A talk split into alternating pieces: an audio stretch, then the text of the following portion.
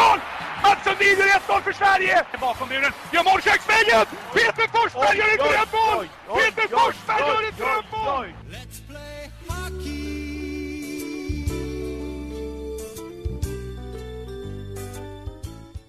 Hej och välkomna till eh, Hockeystudions podd. Eh, Vi går nu in i eh, slutskedet av säsongen och det återstår cirka två månader av rolig hockey. Jag skulle hävda Hans Abrahamsson att det här är den roligaste perioden på hela året. Ja men så är det Thomas och det har jag väl jag har sagt ett par gånger tror jag att jag tycker liksom det här är eh, Det här är desserten på något sätt. Det här är den fina de, de, tiden på året. Vi får tillbaka ljuset lite grann och vi får den bästa och mest eh, engagerande hockeyn också. Det är väldigt mycket som sker nu. Vi har alltså eh, division 1 som kvalar upp till Allsvenskan. Mm. Vi har en final där mellan Troja och Huddinge. Vi har de allsvenska lagen där Björklöven och Västerås krigar om att slippa hamna i kvalserien nedåt. Och så har vi då eh, Karlskoga och Mora som gör upp om eh, en plats att få möta Rögle eller Leksand då troligtvis då i kvalserien. Och så har vi strecken i SHL, det vill säga de som ska komma till slutspel och de som kanske då riskerar att hamna i det här negativa kvalspelet då som, som det ser ut att bli Leksand och Rögle. Vad ser du mest fram emot? Vad är, vilket möte är du mest fascinerad av? Är det play-in, kvartarna, kvalspelet mellan eh, SHL och Allsvenskan eller division 1 till Allsvenskan? Vad är det mest går igång på? Nej, men jag går igång mest på kvartsfinalen, det måste jag ändå säga. Sen Inte kom- play-in alltså? Nej, inte play-in alls. Jag går inte igång ett dugg på play-in. Eller åttondelsfinaler heter det väl. Ja. Eh, Så att numera då. Det är viktigt att man säger åttondelsfinal. Jag har fått lite smisk på fingrarna när jag sagt play-in tidigare. Eller skrivit play-in. Så att vi, vi, vi ska ju köra på åttondelsfinalen heter det. Så att nej, kvartarna är det jag går igång på. Definitivt. Mm. Och det här för ju eh, eh, oss in på ämnet som, som, som du berörde i en krönika här i helgen. Du var lite trött på att det var så många lag som har chans att vinna SM-guld i Sverige. Va, va, va, hade du en gnällig dag i Gävle eller vad fick du igång på det där? Nej men det där är ju någonting som man har varit igång på egentligen i, i tre, fyra år nu ända sedan det infördes. Jag var ju väldigt skeptisk till det här från början. För att jag tycker att det blir alldeles för många lag som, som har chansen att, eh, att spela slutspel. Jag tycker inte kvaliteten på lagen neråt 8, 9, 10 heller är så pass hög så att eh, de ska vara med där. Det är liksom ingen rättighet att spela ett slutspel utan det ska vara det bästa vi har tycker jag. Och eh, där är vi inte nu. Jag kan väl dra en resumé. Alla ni som lyssnar på det här kanske inte har fullständig kontroll. Jag hoppas att ni har det på hur serieupplägget är i Sverige. Vi har alltså då sex lag, plats 1 till 6 går direkt till slutspel utan att passera gå. det vill säga att behöver inte spela play-in. Lag 7 till 10 spelar play-in, bäst av tre matcher där de två eh, vinnande lagen går in i kvartsfinalspelet. Sen har vi lag 13-14 som ni säkert har full koll på. De tvingas ju kvala sig kvar i SHL. Och lag 11 och 12 de har spelat klart. De kan ta fram golfklubborna. Och det här är alltså då är det tredje året vi har sånt här system. Det blir väl tredje året 2014, 15, 16, 17. Det blir fjärde året nu då som vi har det. Men det är Mm. väl andra året nu som det kallas åttondelsfinaler. De två Precis. första åren var det play-in. Precis. Och när jag var liten eller när jag växte upp då var det fyra lag i slutspelet. Så vi har ju sett en förändring år till år. Att man ökar antal lag både i SHL och till slutspelet. Och, och vad är fel på det här då? Ja, Vad, att är, det inte, är, är det inte roligt att Karlskrona kan vinna SM-guld? Nå, alltså det, det hade det varit om de hade haft det. Men det, det, alltså jag var skeptisk till det här från början. Men jag tänkte ändå att det kan ändå vara, jag är inte så jätteskeptisk mot att man har chansen att vinna SM-guld eh, fast man kommer åtta eller nio i, i, i tabellen. Sådana resor är förbannat häftiga. Vi hade väl HV där för väldigt många år sedan som, som var klar- som sista lag och, och gick hela vägen. Kungsune. 1995, Kung Sunes år. Kungsune, då. ja, De låg på precis. plats åtta och tog sig hela vägen till guld. Och jag har inget emot de resorna. Jag har ingenting emot att Leksand gör som man gjorde förra året och, och gick bakvägen upp till SHL. Och vi hade flera lag som gjort likadant. Rögle har gjort det, Örebro har gjort det. Det är inte det. Men, men det jag känner med det här framförallt är ju att de här lagen inte tillför någonting. De har inte varit i närheten av att kunna hota om ett guld eller ens en final. Linköping tror jag gick till semi första året där infördes. Sen har det varit liksom kanonmat resten av tiden. Och då tycker jag inte att det blir bara att man urvattnar slutspelet. Det blir bara längre och längre. Vi är uppe i sju veckor nu tror jag från den första åttondelen till den sista finalen. Och någonstans känner, har jag känt under de här senaste åren att det är svårt att hålla eh, lågan uppe för, för liksom slutspelet skapa intresse runt det här för att jag tycker att det blir, för lång, det blir en för lång sträcka. Men det här var ju roligast perioden på året. Är inte roligt att den här festen blir så lång som möjligt? Nej, Man vill ju inte gå hem det. kvart i elva på en fredagkväll nej, från polaren. Men, att, men nu, nu, nu går vi ju hem halv tre på eftermiddagen dagen efter känns det som. Lite ja, grann, och är inte den festen Nej, perfekt då? nej, det blir inget bra. För det blir, du vet hur det brukar vara i slutet på sådana fester som varar 24 timmar. Det brukar vara rätt så saggigt på slutet och ganska så här tillför inte så mycket. Så att jag, jag tycker man ska, nej, det, det, man får korta ner det här. Jag tycker man har problem med spelschemat. Och där skulle man under grundserien och där skulle man också kunna göra ett bättre upplägg på grundserien om man nu startar det här en, en och en halv vecka senare.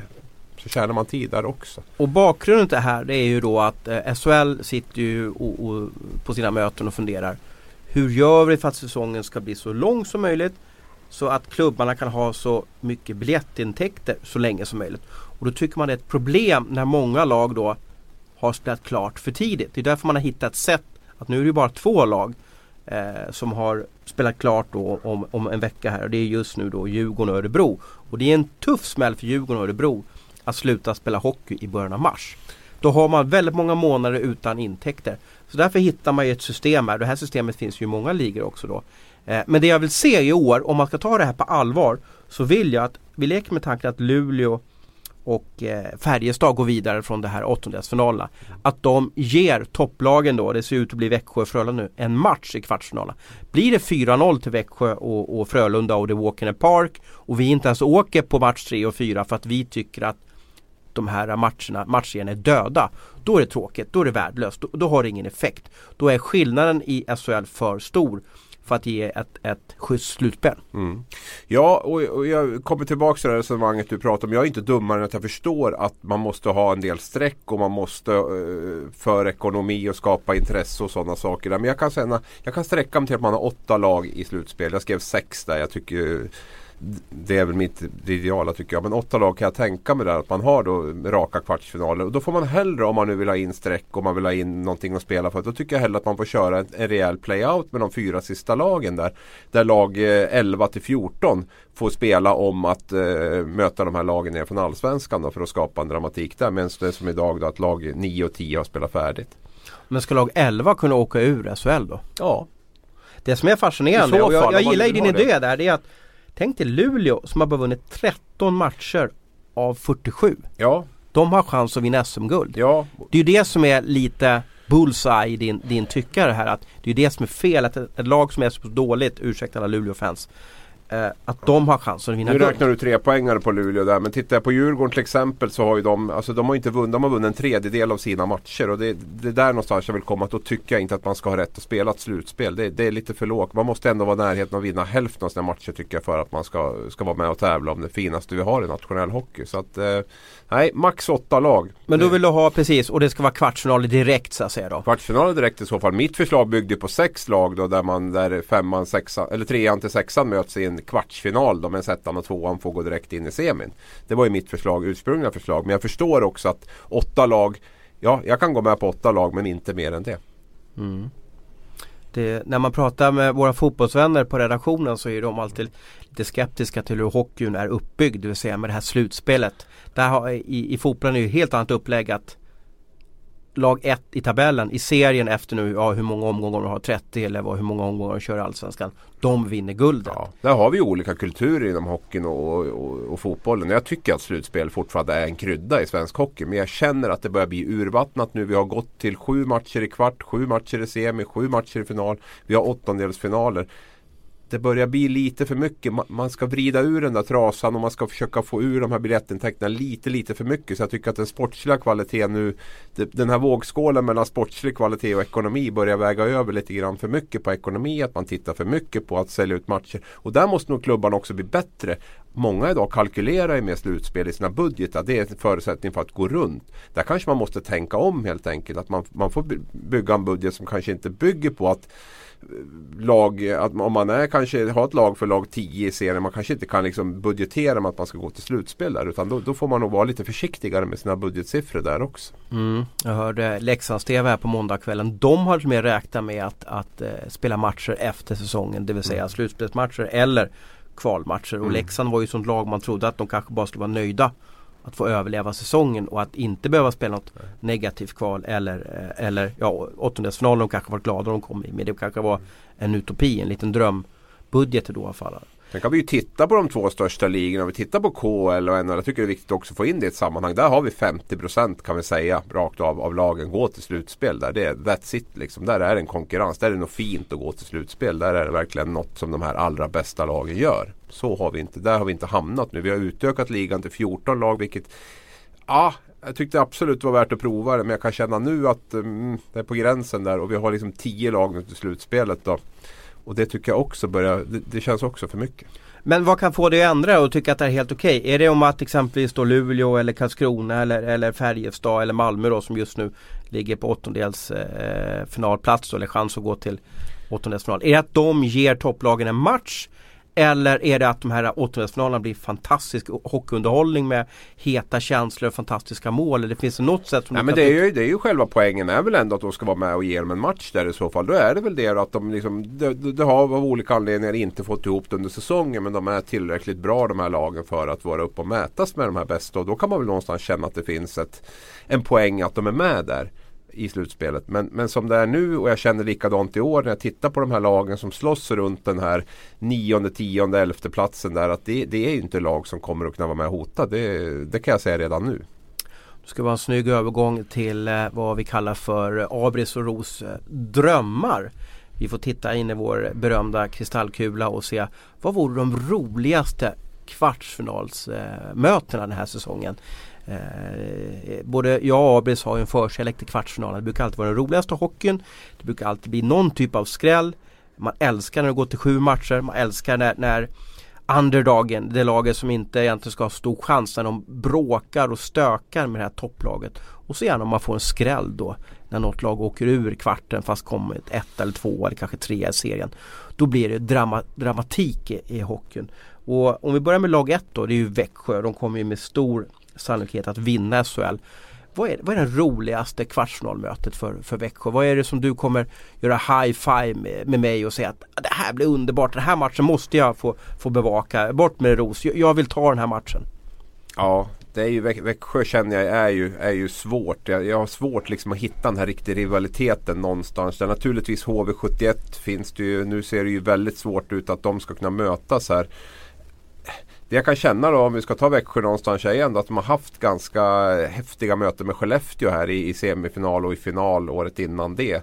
Så, och Skellefteå ligger ju lite på gränsen där och kunna, kunna kanske hamna i en play-in i alla fall om vi nu ska vrida till det lite. Så jag säger väl i så fall Växjö-Skellefteå då. Mm, den är bra. Växjö mot Skellefteå. Ja. Och där finns ju, där finns ju liksom ett embryo till att det kan bli riktigt jämnt också. Ja. Jag tror inte man ska, man ska inte leka bort Skellefteås chanser den här, den här slutspelet. För att får de bara ihop det och får en bra start på slutspelet och Oskar Möller kommer tillbaka i god form och samspelet med, med Lindström eh, ser bra ut. Men de har ju faktiskt inte haft någon riktig möjlighet att spela med Möller och Holloway i samma lag eftersom de nästan de, de bytte av varandra när Möller gick på eh, den, den, den, så trista timeouten då. Precis, Nej, men det är ju en sportslig höjdare framförallt. Det kanske inte är några så här känslor som liksom kommer i svallning i Skellefteå och Växjö på det mm. sättet. Men en sportslig höjdare i alla fall. Och där håller jag ju fullständigt med dig. Växjö är ju ett svårt lag för det är ju inget lag som har De kanske har en rivalitet med lite rivalitet med HV och Karlskrona men, men mm. Det har inte riktigt nått mig i alla fall än då. Frölunda då? Vad, vad... Ja, Frölunda vill jag ju placera mot Färjestad definitivt.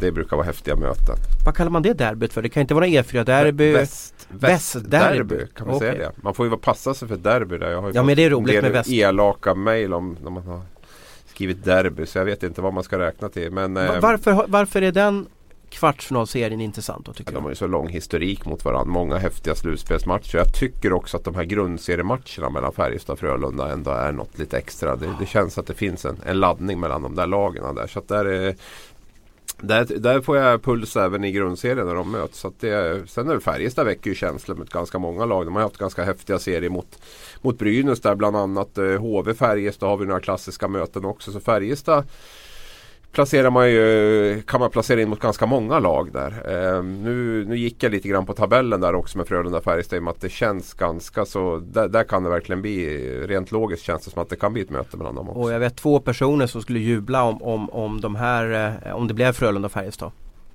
Ja, vilka två var det? Jag tror båda lagens, eh, eller klubbarnas kassörer skulle göra high five Ja, där. ja, För att då blir det utsålt i Skandinavium. Eh, jag, jag såg ju då eh, Frölunda-Linköping. Linköping är, ett lag, är ju inget lag som drar i Skandinavien. Nej. Men Färjestad. Mm, absolut. Och Om de får rätt speldagar och sådär. Då har vi nog över 10 000 i Skandinavium och vi kan nog kanske få över 7 000 i Färjestad. Man ska, veta, Absolut. man ska veta att de här kvartsfinalerna Match 1 och 2 i dem är Ja. oerhört svårt Ja. att locka publik till. Mm. Men får vi Frölunda och Färjestad då kan nog Göteborgs eh, hockeysupporten gå man ur huset. Ja, och varför är de svåra att locka folk till de här första matcherna? Ja men det är för att de egentligen inte spelar någon stor roll. För att det kommer av, man vet om att man får en till hemmamatchen där man kan gå på och köpa biljett när det gäller någonting då. Men där gäller ju att, eh, jag såg ju det redan nu att nu börjar ju Leksand skicka ut biljetter för 99 kronor styck. Eh, Frölunda gör, gör dealer för att gå på hockey så det gäller ju bara se till att eh, biljettpriset matchar marknaden. Då, då fyller man arenorna. Mm. Bra! Du, eh, Linköping då? Pusslet börjar lägga sig nu känner jag för mig. Jag vill ha Linköping HV där. Jag ska inte säga E4 Derby. Nej men det är det ju så att säga. Ja. Eh, 13-14 mil eller hur långt är det mellan de här Ja, städerna? någonting sånt. Jag Ja. satt och åkte där någon finalserie kommer jag ihåg Ja. emellan där och sådär. Så att, Ja. ja. det, är ju, det är motorväg hela vägen. Och jag älskar att åka den här motorvägen från Linköping ner till Jönköping. Ja. När man kommer mot, mot Vättern där och ser när det är en klarblå himmel, man ser, man ser hela vägen ut till Visingsö. Man ser först Huskvarna på vänster sida, man ser Jönköping tonar upp sig. De börjar få ganska häftig liten småstad där i Jönköping med lite höga hus och de har eh, gjort hela den här fina strandpromenaden. Så att, Ja. jag får alltid gåshud när jag åker de där sista milen in mot Jönköping. Ja, det är helt sant. Det var 2008 de möttes i final, var det inte så eller? Ja, jag har nog... 2007 vann Modo mot Linköping där, så 2008 måste Ja, det vilken vara. stad väljer du att bo i då? Fall? Väljer du bo i Linköping eller, eller HV om du, eller i Jönköping om du, om du ska pendla mellan där? Ja, men då säger jag nog Jönköping i så fall. Det gör Mm. jag nog i det läget. Jag gillar ju Linköping också. Men, men som du säger, strandpromenaden nere vid, vid, vid, vid Vättern där och, och, och det där. Det, det är vackert där. Och det var länge sedan man var i, i Jönköping nu också på slutspel. Så att, Mm. eh, nej, då, då suger jag nog lite extra på Jönköpings karamellen i så fall. Och då är det två spelare, eller två personer i alla fall som blir intressant för du har Pelle Arbrand som spelar HV Ja. fast bor i Linköping. Mm. Han har familjen där. Och du har Johan Åkerman som är tränare för Linköping. Jag vet inte om han fortfarande har kvar lägenheten i Jönköping då. Jag tror han bor i Linköping nu. Så att, eh, men, men han har ju en, en lång eh, guldhjälte i HV en gång i tiden där och så där. Så att det här är ju två lag som, som har liksom byggt upp en rivalitet och, och och som sagt ligger nära varandra och har mötts i många slutspel. Och, eh, eh Mikko Loma som flyttar mellan klubbarna där och lite sådana grejer. Jämtin och det, nej, det, finns, det finns mycket där. Så att Och det det, kommer bli roliga matcher alltså för de här har ju riktiga lirare. Du har alltså Brock Little i Linköping, du har Garrett Rowe i, i, i Linköping. Eh, och sen har du ju HVs Törnberg alla de här. Du har många duktiga forwards så det kan nog bli ganska, jag tror inte det blir någon busig serie, tror jag inte. Men jag tror ändå att det blir en, en serie som, som eh, där lirarna får chansen att, synas. mm. Så står det. Sylvegård Linköping. Tror han kommer hålla igen i tacklingarna? Nej men det kommer säkert, att- det kommer säkert att, att hetta till. Just i kvartsfinalerna brukar det ju också. Då är ju lagen fortfarande hyfsat pigga och, och, och lite övertända och, och sådär. Så att då, brukar det kunna hända lite grejer. Jag hoppas ju verkligen att det inte sker något överfall eller så. Men däremot gärna tufft spel, lite dueller och eh, gärna två, tvåmansdueller där, där man känner liksom att det ligger någonting och pyr i luften. Det Jo, inte jo men det är klart att om, om, om vi pratar backa till Frölunda och Färjestad. Det är klart, hur ska Färjestad slå Frölunda? Mm. De måste ju störa Frölunda. De måste spela fysiskt mot dem. Och de måste vara, eh, se till att Joel Lundqvist blir förbannad och drar på sig ett dumt, dumma straff. Det där kan jag känna generellt att vi är ganska dåliga på i svensk hockey. Om man tittar på slutspelet, vi har väldigt, väldigt få vändningar. Jag tror inget lag har vänt 0-3 underläge någonsin i slutspel va? Jo, oj, nu satte de Nej. med på. Det har hänt fyra eller fem gånger i NHL i alla fall. Då. 0-2. 0-2 vet jag att det har hänt en 3-4 gånger. 0-3 har aldrig hänt. Jag vet att Djurgården var nära mot Luleå ett Ja, år de gick där upp till 3-3 och sen vann Ja, Luleå sjunde avgörande. det där är lite grann som du är inne på. Där kan jag tycka att när det väl börjar rulla på för ett lag så är det svårt för andra lag att bryta mönstret. Och det tror jag mycket också 3-1 finns det då ett lag som har vänt i alla Ja, fall. ja. Men det är väldigt sällsynt i alla fall. Min känsla att man har följt mycket slutspel precis som du har gjort är ju det här att när det väl får ett övertag med två matcher eller till, till och med tre matcher då är det liksom game over. Och där tror jag man måste, man måste vara lite bättre på. Man måste vara lite mer cynisk, lite mera fula knep, lite hitta på saker utanför det rent taktiska där. Få in den här mentala aspekten i, i det och ehm, för att kunna vända de här matcherna. Det som är svårt är att om vi ser på, och, och, och, om vi leker med att nu är Skellefteå inget sånt lag och de har egentligen inga sådana busiga spelare i laget. Men om de ska störa Växjö exempelvis då, som är nummer ett nu i Sverige. Det är ju tufft. Jag tycker de har tre bra kedjor.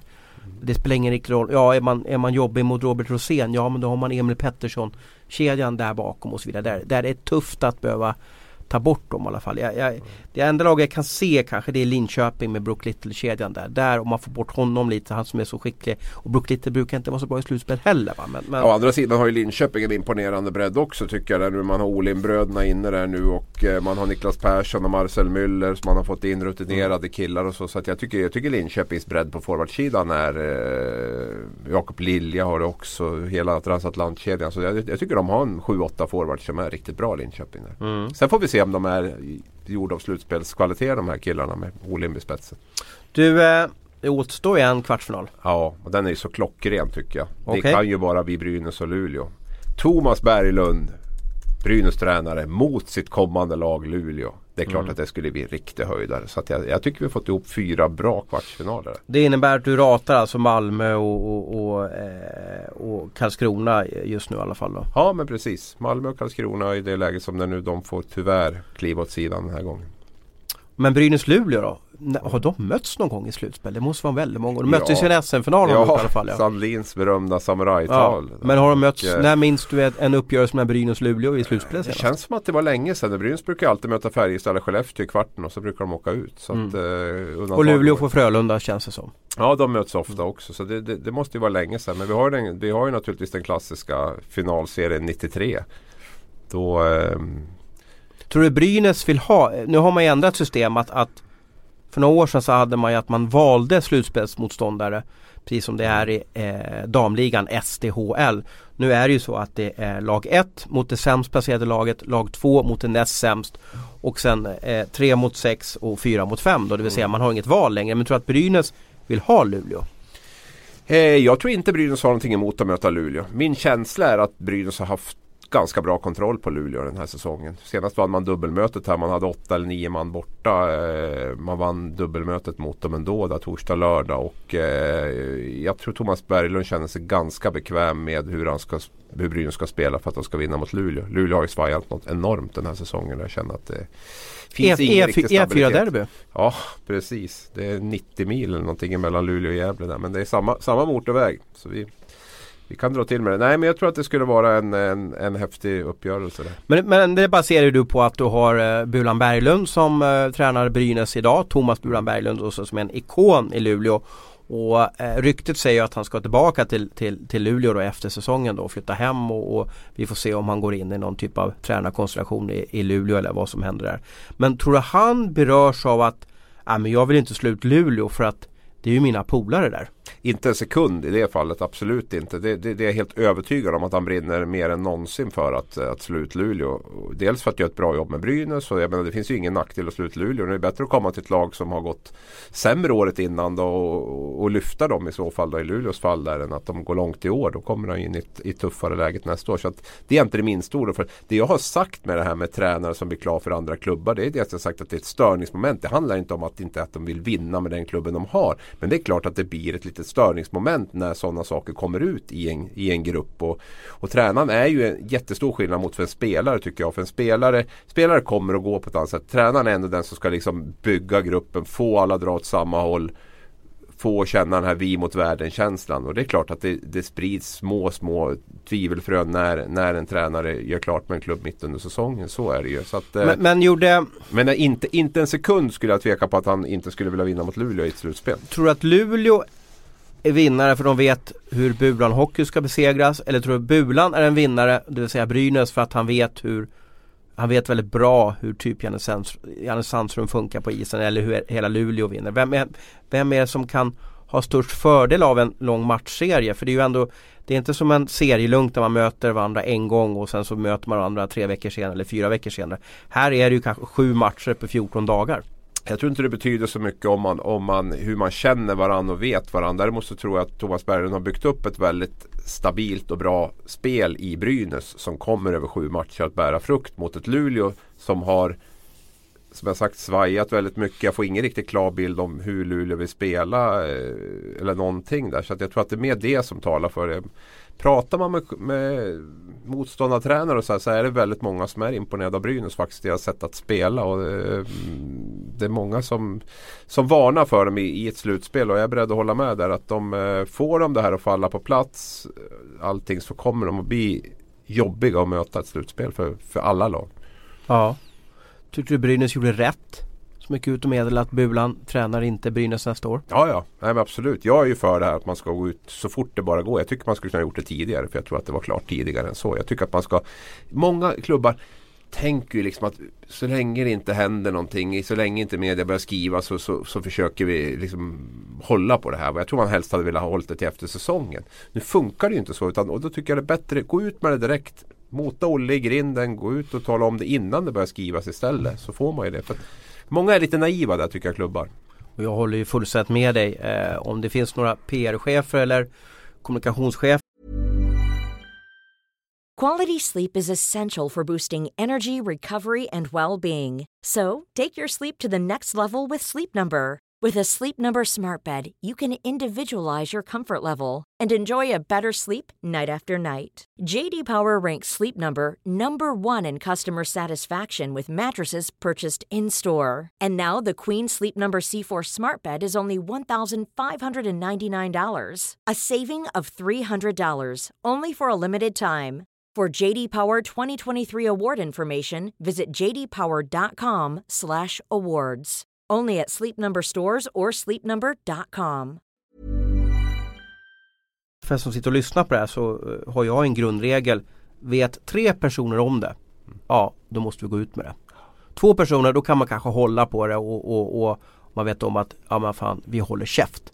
Men vet tre personer om någonting, då är, då är risken för att det sprids och att det blir en felaktig spridning för stor. Så då måste man gå ut och informera i alla fall. Och du vet i Schweiz, du ska se där, där byter man ju, alltså man går ju ut i, i december och berättar att en spelare eh, byter till, till en motståndarklubb mitt under säsong, eller alltså till nästa säsong då. Och det är ju, det är ju, helt, det är ju helt ovanligt här i Sverige för där, där tiger ju klubbarna, i alla fall när det spelare till förbannelse till april då min erfarenhet är att man tiger så länge tills man egentligen inte har något annat val. Då går man ut med det. Då tycker jag det är mycket bättre att man eh, försöker vara lite förutseende och, och eh, vara först istället. Jag håller med. Det här är drömkvartar då. Vilken, eh, vilken kvart vill du helst bevaka av de här då? Du har alltså Växjö, Skellefteå, Frölunda, Färjestad, Linköping, HV71, Brynäs, Luleå och Hockeystudions drömkvartar. Vi får se om de blir verklighet. Ja, nej men jag skulle nog säga det kanske. Frölunda, Färjestad ändå va. Mm. Ja, Men det, är ju... det, är ju, det är fyra riktigt bra alternativ så jag skulle inte bli sur om jag, oavsett vilken jag hamnar på. Vi, vi har liksom den här sportsliga utmaningen i Växjö och Skellefteå och de andra tre tycker jag det är väldigt, väldigt mycket känslor inblandat. Så det, det blir kul. Och det är det som är intressant. Brynäs behöver ju bli tvåa för att det överhuvudtaget ska bli realistiskt att man ska kunna möta Luleå. Eh, men tittar man på tabellen, två poäng upp till Frölunda mm. bara nu. Lagen möts på torsdag. Så att, eh, mm. Det kan gå i alla fall. Den matchserien som inte blir så rolig att bevaka eller blir ganska dyr för klubbarna är ju Växjö-Skellefteå. För där är det ju chartrade flyg som det handlar om. Och ska du och jag ta oss mellan Växjö och Skellefteå så är det ganska jobbigt för då är det flyg till Stockholm och sen upp till Skellefteå. Du vet ju själv hur att flyga till Skellefteå. Det är inte lättast att få hotellrum i Skellefteå. Det är ju nästan, eh, det är ju nästan svårare att få en exklusiv intervju med Donald Trump än att hitta ett hotellrum i Skellefteå. Du brukar väl alltid få bastu i ditt rum i Skellefteå, är det inte så? Jo, men det är alltid tufft att få, få, få rum till slut. Men visst, när man väl får rum och, och är ute och bokar tidigt då får man den där minibastun där i rummet. Och så det får vi, får vi tacka så mycket för att de är eh, väldigt schyssta mot oss stackars reportrar som åker runt. Men, men eh, ja, jag hade nog bevakat Linköping HV. Det är för att man jag vet, slutspel i Jönköping och, och vi har takdropp, det är några plusgrader, man kan ta en löptur eh, upp till campingen eh, från, från eh, arenan där. Äh, jag tycker att det, de har gjort så många gånger och man blir lite nostalgisk när man är där. Ja, jag håller med dig. Du, från slutspelet till en liten sociala medier snackis, kan man kalla det för det? Eh, det finns ett Twitterkonto som den här säsongen har blivit en liten bass, en snackis där ute och den kille eh, som kallar sig för Roadlaker som eh, har tagit över det som Daniel Moritz startade för flera fler, för, ja, för två, tre år sedan. Det vill säga är extremt skicklig på att göra roliga små videosnuttar som man kan kalla för GIF. Då, och det här, eh, han, har, han har slagit igenom och man garvar åt honom. Men nu får han inte fortsätta längre då. Vad, eh, hur ser du på det här? Ja den här frågan ska jag egentligen bolla över till dig för jag känner att du, du är lite mer engagerad i det här än vad jag är. Jag, jag kan, väl, jag kan se båda sidor av myntet. Och det Va, vad gör han för giffar om du kan förklara för våra Nej men han gör ju dels, alltså det är ju två på två sätt. Dels har han ju liksom varit lite unik på det sättet att han, att han har gjort väldigt roliga sketcher där han har liksom tagit eh, videoklipp och lagt till egna textremsor då på, på intervjuer och sådana saker som har varit väldigt underhållande och väldigt roliga och väldigt nyskapande. Eh, sen har han även lagt ut vanliga matchgifs på, på eh, uppmärksammade händelser. Ja, och, så vi, och får, så. vi får se. Han är ju väldigt skicklig på att hitta kanske när två supportrar är rolig på läktaren. Ja. Han hittar ju sånt som kanske inte många hittar. Men vems material är det han tar då? Vem, vem är det som har skapat materialet från början? Ja, det är ju SHLs material och det är ju Simor som har köpt rättigheterna till det så det är ju inget snack om det. Eh, Och jag förstår ju problematiken med att eh, en rättighet köper man ju och det finns ett värde i den som man har betalat för och det, det innebär att man har en, en ensamrätt på det här. Det är ju den ena sidan av myntet så det har jag ju full förståelse för. Det andra är väl att det handlar ju också om att skapa ett intresse runt en produkt. Och det kan man väl säga att hans giffar till stor del har gjort också. Att det har, man har dragit på mungiporna, man tyckte det var roligt med SHL-hockey. Man har liksom, ah, det har liksom skapat uppmärksamhet runt det här. Eh, nu, nu är det väl lite grann att det har ju blivit kanske mer och mer matchgiffar under, under eh, resans gång här för Mm. honom. Att han har blivit liksom den här nya Moritz då och lagt in lite fler sådana. Det är väl det man har reagerat mot i första fall. Och det, det, är ju inga, det är ju inga konstigheter att, att det blir ett missnöje med det. Vi sitter ju själv på Sportbladet då som betalar eh, pengar till, som är med som en av huvudsponsorerna till SHL och vi får ju, är ju väldigt restriktiva vi får visa och inte visa och det tror jag Vi också får inte göra någonting viktigt. på sociala Nej. medier. Det tror jag är väldigt viktigt också att förklara den här biten och där, just därför tänkte jag bolla över till dig och liksom förklara hur strikt det är för Aftonbladet som ändå är med som en av de här fem tror jag det är huvudsponsorerna. Huvudsponsorerna. Ja, och betalar Ja. in ganska många miljoner vad vi får göra och så. Så där kan ju du ta över och berätta lite. Jag får ju inte berätta hur exakt Aftonbladets av- avtal, eller Sportbladets avtal ser ut med Eh, SHL eller, eller då snedstreck C More, det är väl främst SHL då. Men det är klart att vi betalar ju jättemycket pengar för att få nyttja highlights och för att få nyttja det som vi kallar för hotline, det vill säga en häftig händelse under matchen. En tackling, ett mål, eh, en domare som ramlar eller vad det kan vara så att säga. Liksom då. En liten eh, en, en, en klickis kan man kalla det för då som vi använder. Men det får vi ju då skicka ut eh, mycket senare än när det har skett.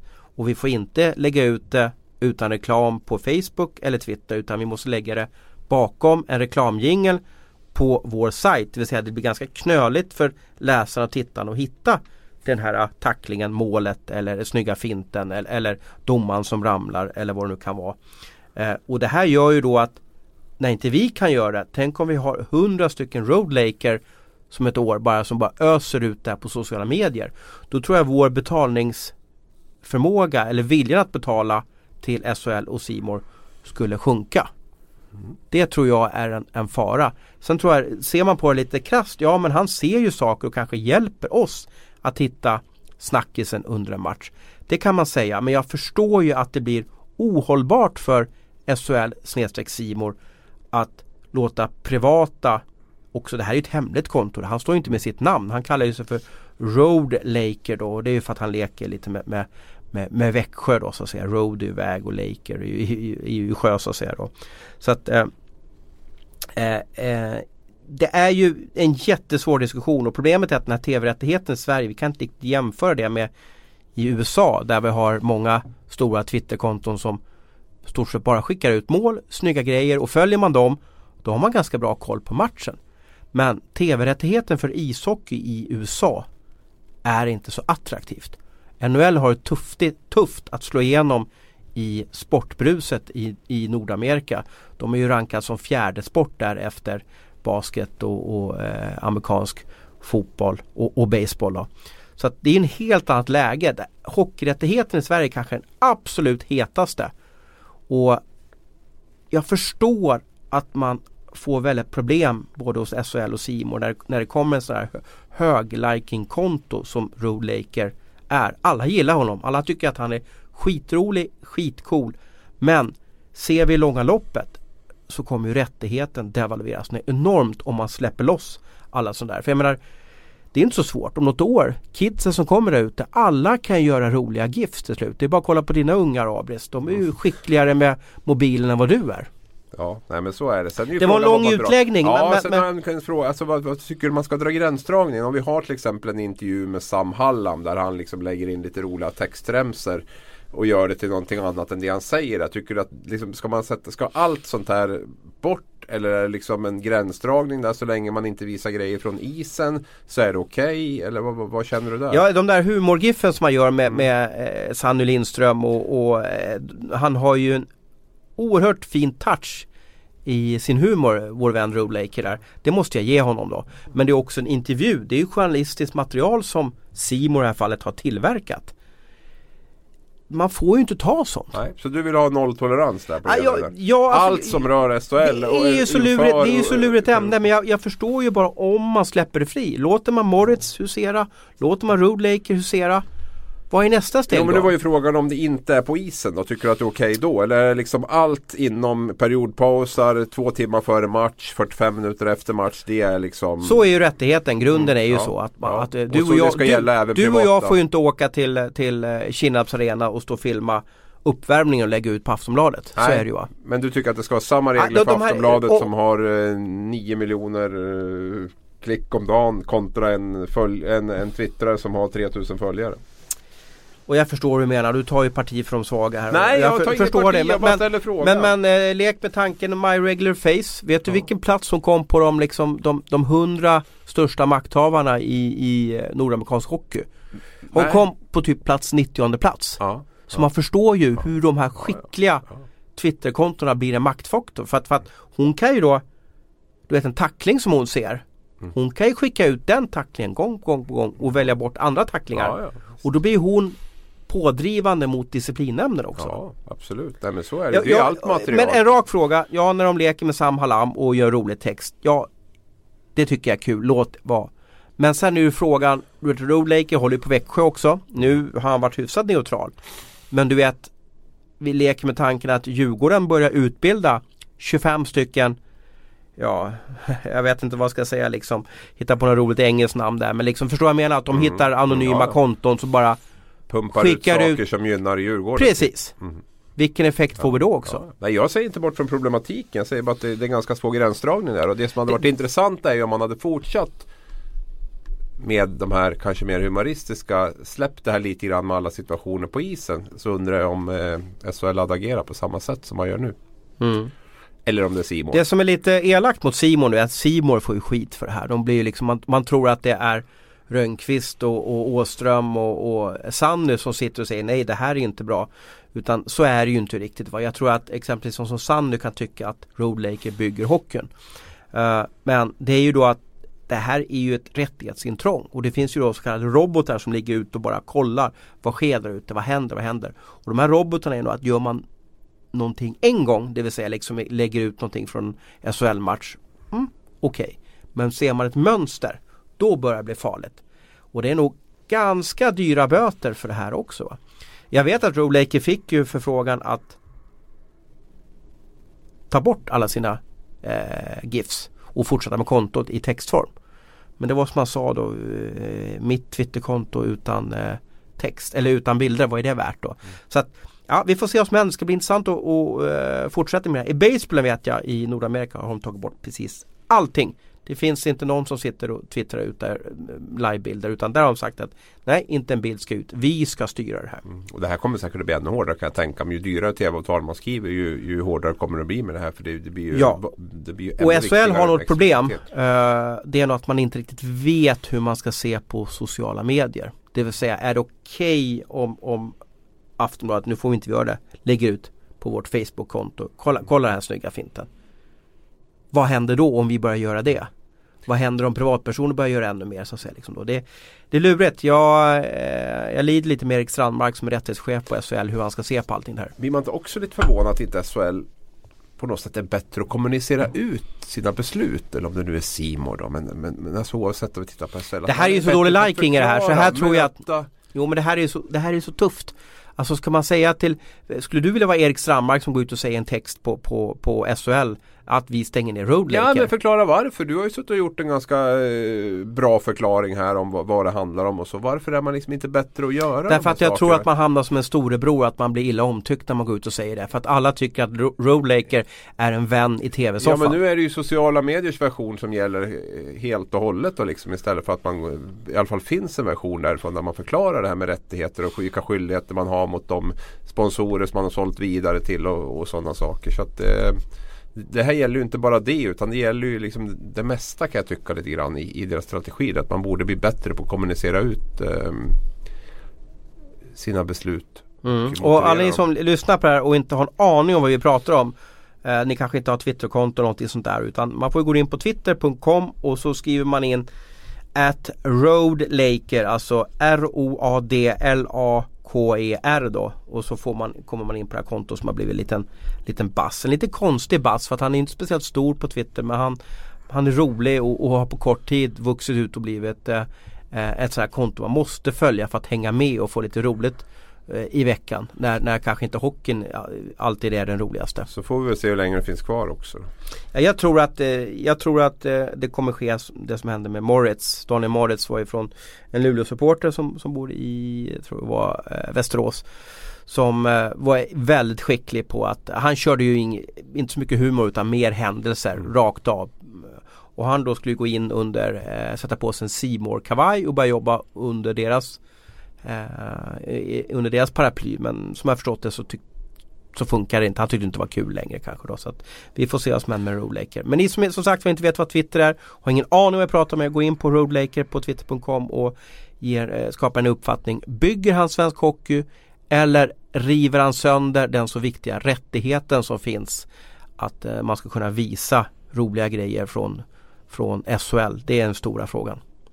Du, eh, från Roadlaker till eh, Tobias Holm, Per, per Ledin, Emil Kåberg, eh, Tommy Sjödin, Thomas Eriksson, Stefan Nilsson, Peter Ekroth, Thomas Åhlén. Det är kanske är en tuff övergång för jag tror Roadlaker är en väldigt snäll och, och timid och behaglig människa. Men jag saknar busarna i svensk hockey. Jag saknar spelare på isen som jag hatar på något sätt. Smyghatar. Du vet de här som, som alltid är med i gurgel på isen. Varför har de här spelarna Men vi, försvunnit vi bort? har ju Alexander Urbom, vi har ju Tollefsen, Ja, men vi har ju Emil Ja men de är Sylvegård, för vi snälla. De är, de är för snälla. Du vet Bibic, alltså de har ju knappt några utvisningsminuter. Inte, de, de är inte stökiga. Jag hade med Allmän på i Hockeystudion häromdagen. Han vågar ju knappt tacklas längre. Det är ju inte som förut när du visste att det var Det var ju liksom var du Frölunda-supporter och du visste att Färjestad och HV kom, kom på besök eh, Visserligen vilket lag han spelade i, vår vän Per Ledin där Men du visste ju varje gång 97 var på isen, så visste du det Och så vart det liksom att du gjorde en armbåge i sidan på den som satt bredvid. Kolla nu är Ledin på isen Vi behöver ha tillbaka busarna, hur får vi det? Eh, jag tror väl kanske att det handlar om två saker spontant. Och det är väl dels har vi det här med att det, det spelas, det är lite grann som NHL också. Att eh, hockey spelas ju så otroligt fort nu. Man är beroende av alla spelare. Man har inte på samma sätt råd med spelare som åker runt och eh, kanske inte hänger med riktigt i, i spelet men som är lite, lite fula och lite grisiga. Sen tror jag det andra är också att det kostar på så enormt mycket att vara en bus idag rent liksom massmedialt och allting. Förut var det väl kanske någon Eh, artikel i, i en papperstidning dagen efter liksom om att den hade sagt det och den hade sagt det. Nu, nu är det ju liksom en, en storm liksom på sociala medier och på sajter och på allting och eh, runt den här personen. Jag tror det blir sånt otroligt fokus på de händelser som händer så att jag, jag tror att det är ganska få spelare som, som helt ärligt orkar stå i den här stormen och liksom tycker att det är värt det på något sätt. I och med att allt det här mediala har ju liksom bara tryckts upp. Men behöver vi busarna? Behöver, alltså måste vi ändra en kultur där att det är okej att vara buse? Eller att tränarna måste ändra sin kultur att de måste tillåta busarna att vara busar? Jag tycker att vi måste, tillå vi måste bli bättre på att tillåta profiler och vara profiler. Vi måste liksom låta de här spelarna som, som kanske sticker ut på ett eller annat sätt. Antingen spelmässigt, eh, målskyttemässigt, eh, lite snack eller, eller rent lite, lite tjuvnyp på isen de spelarna måste vi också våga bygga tror jag. För det skapar ändå ett intresse runt, runt eh, SHL och runt svensk hockey. Så att där måste vi bli mycket bättre tror jag. Nu är det snarare att vi kanske trycker tillbaka det här att alla ska in i samma folla och alla ska göra samma jobb på isen och alla ska göra likadant. Och där, där, tycker jag väl att vi behöver bli bättre både med målskyttar som jag tror du också var inne på tidigare att vi saknar målskyttar. Vi måste låta folk få vara bra på det de är bra på och eh, även att vi, vi bygger eh, profiler som kan skapa lite hetta runt matcherna. Och det här menar jag också med att man måste ju inte gå in och, och spela göra fula grejer. Man måste inte crosschecka folk i ansiktet. Man måste liksom inte köra alltså huvudet. Det är inte det det handlar om. Men det här lilla, lilla, lilla spelet mellan två spelare. Kan, och det här kan ju spelarna också. Det behöver ju inte slå över till att det blir våldsamma saker. Men ändå att man känner att det finns en spänning. Att man känner att det finns en hetta, en rivalitet. Där tycker jag att eh, spelarna och klubbarna måste bli bättre på, på att utveckla det. För jag går igång lite grann när jag känner att det finns en två, två spelare som inte alls tycker om varandra som möts. Som man känner nästan varje byte de in att det liksom kan hända någonting. Det behöver absolut inte hända någonting. Helst ska det inte hända något direkt. Men ändå att det finns en liten en liten tagg i sidan där. Det kan jag sakna i väldigt många matcher. Ja, och jag är lite förvånad. Eh, Andreas Jämtin har alltså vunnit eh, utvisningsligan tre gånger. Eh, och, och, han snittade ju runt ja, 145 utvisningsminuter. Nu är inte utvisningsminuter kanske exakt likadant att vara som en, en buse men om du ser han i år jag hade en buse i Färjestad. Nej, nej Andreas Jämtin har ju tonat ner den, den biten helt av Tror du att det är att han själv som har valt att göra det eller att det är hans Att det är Leffe Karlsson i Färjestad Jag tror det är helt han själv som har valt det och jag tror att det liksom Han orkar inte beröra Nej, precis Exakt så. Jag tror han kände väldigt mycket av det här också under sitt år i Zagreb där han hamnade i total medieskugga att han kände att det liksom var ganska var skönt. Aha. Och det är det jag är inne på också lite grann jag vet inte hur du skulle reagera Thomas, men tänk att stå i det här varje Det var liksom skillnad med Anders Broström. Han var liksom utbuad liksom när han kom till bortaarenorna och det kanske skrevs någonting dagen efter. De skar ju sönder bildäcken här på Hovet med, med Broström. Ja, Johan hade ju ett jäkligt tufft slutspel där också 1980 mot Brynäs och sådär. Så att eh, de fick väl känna på men, det går ändå inte att jämföra med som det är idag och jag tror att det Du menar med sociala medier om vi kommer tillbaka till det också att det blir för tufft alltså? Det blir för tufft. Jag tror att du skulle också kunna sätta dig in i det. Kan, men, Vem är din favoritbuse? Ja, men jag gillar ju Tollefsen sen på något okay. sätt. Han kan ju det här spelet lite grann. Han, han, alltså han är ju ganska illa omtyckt i stort sett överallt. Det har väl hänt några grejer. Inte Karlstad? Nej inte i Karlstad. Var, han var illa omtyckt där också han spelade med Modo. Men eh, men vad tror han, har han, den lilla han, han har ju dragit sig tillbaka ja, också lite. Jo men han har ju åkt på en del. Han har ju haft en del tuffa skador. Eh, har lite skador nu senast i hjärnskakning och sådär. Och eh, även varit avstängd och lite grann sådär. Men, men en Tollefsen med det där eh, flinet där i ett slutspel är ju liksom en spelare som berör. Och han kan, han kan det här spelet. Det jag menar lite grann det jag är ute efter. Att det måste liksom inte Men alla avstängningar har väl hämna, Men man känner att det kan hända någonting. Ja det är klart att det har gjort det. Absolut. Jag satt och kollade på det. Det är ju kanske, jag satt och, satt och räknade. Nu har jag inget exakt facit. Men, men han är ju en av de spelare som har varit avstängd flest matcher. Och har betalat mest till Hockeyförbundet i böter. Ja. Det är klart att han, han och hans familj måste väl fundera på vad händer? Ja, jo nej men absolut och där är väl de här tacklingarna där som man som man kanske måste försöka bli lite försiktig, som man måste bli lite försiktigare med. Men just det här men lite gladiatorspelet där, de här liksom duellerna där han ja. kan liksom åka och snacka med någon. Jag såg ja. en intervju med Bibic där, där han och Bibic hade åkt förra året där och liksom snackat om skulle, och kanske göra skulle, upp. Och, ja. Och det kan ju räcka långt att de bara åker och snackar med varandra så. För att Då reser sig publiken upp. Precis, precis. Och det är det där jag är ute efter och det spelet tycker jag att han är är förbannat duktig på. Det är lite samma med Almen Bibic. är också en sån spelare som, mm. som förstår de här sakerna. Som förstår att det här måste vara en ingrediens i hockeyn. Utan att man måste kasta handskarna och slå varandra i huvudet. Liksom. Det är inte det. Men, Nej, men, jag älskar med handsktvättarna bakifrån. Ja. Och putten lite. En liten, liten crosschecking i ryggslutet. En liten, en liten pet med klubban eh, på de ställen där man inte har skydden. Det är de som liksom får den här nerven. Och fram och säg något till målvakten. Ja. Psyka lite grann. Ja. Bara sådana grejer. Ja. Publiken ja. blir galen liksom på det där om man gör det mot hemmamålvakten. Liksom. Ja. Lite grann det där. Där ja. tror jag vi måste bli mycket Det är bättre. synd. Men är det, är det tränarna som, eller är vi media som inte ska uppmärksamma så mycket bara för att det blir för jobbigt att vara busen? Eller är det tränarna som ska släppa busarna fri? Ja det är nog en kombination där säkert. Och jag tror att nu när det händer någonting. Men du älskar ju att skriva om det där. Ja men när det händer så blir det ju ganska unikt de få gånger det händer. Så det är klart att då blir det ju vanligt att skriva om det. Om man har det här som en ganska naturlig ingrediens i matcherna så tror jag inte att, liksom, att det blir lika exklusivt och intressant att skriva om det heller. Utan då är det mer en, en, en normal händelse i en match på något sätt. Och då tror jag också att det kommer att tonas ner betydligt där eh, medialt.